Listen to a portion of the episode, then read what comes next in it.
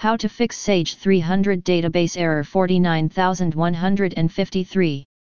Sage 300 database error 49153 can be caused by a number of things.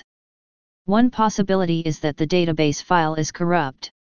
Another possibility is that the database has been damaged by a virus. If you are getting this error, we are providing some steps to fix Sage 300 database error 49153.